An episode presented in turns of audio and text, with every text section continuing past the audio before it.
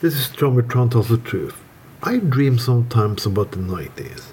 Not because the 90s was that perfect era of everything but well. We had the war in Rwanda, we had the war in Bosnia, the war in Kosovo. Well, war, war, war, war, war. But I do remember 1989. I do remember the wall fell down, Eastern Europe opened up. There was some hope, some optimism. We were end of an era with Reagan and Bush. Suddenly, Bill Clinton took over. Well, when I see it now, I think Bill Clinton may be a little conservative douchebag, but okay. We had some hope and we had some fucking ideas.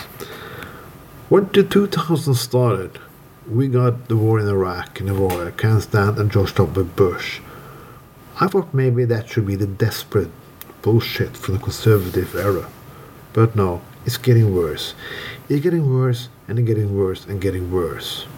Every year I've done this segment, I had tried to have some optimism. You can do this, you can vote, you can get up and down, and you can turn the world around if you want to. But I don't see much hope for 2024. I really don't. And I don't see people have some hope either. When I saw the last Star Trek show,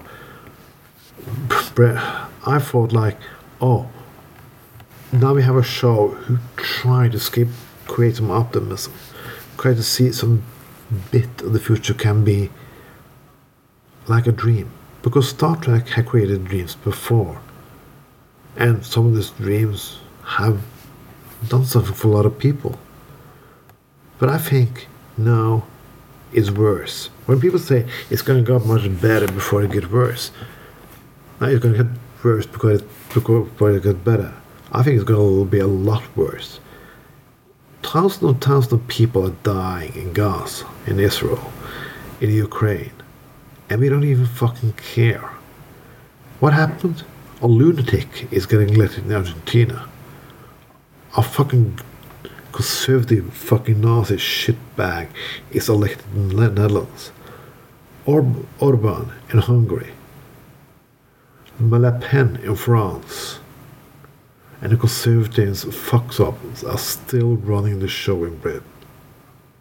Where are the leaders? Where are the people who try to create something? I cannot see a light. I cannot see a person. I cannot see a European Bernie Sanders. And even in this, people don't dare to vote on him because they're afraid. Always afraid, no hope. And when they're afraid, sometimes they're so afraid that they accept the bullshit and just leave let it continue going on.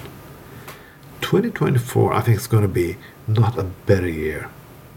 I think it's going to be a worse year. I think knowledge is dead. Optimism is dead. And the world is slowly fucking dying. It's horrible to watch and it's not fun. The youth generation had done nothing. They went tr- straight into the trap and are not holding on in an endless stupid conflict with the right about what should we call some kind of people woke this and woke fucking that. We are insulted on everything. We cannot fight for a working cause if not the person who is fighting the cause is totally fucking perfect. What went wrong? I don't know.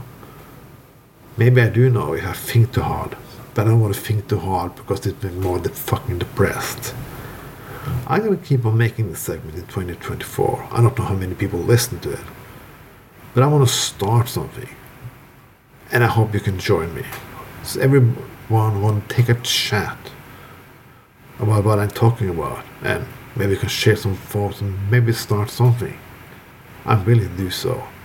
So, what is about 2024 we can do differently? I don't know, but you can start somewhere.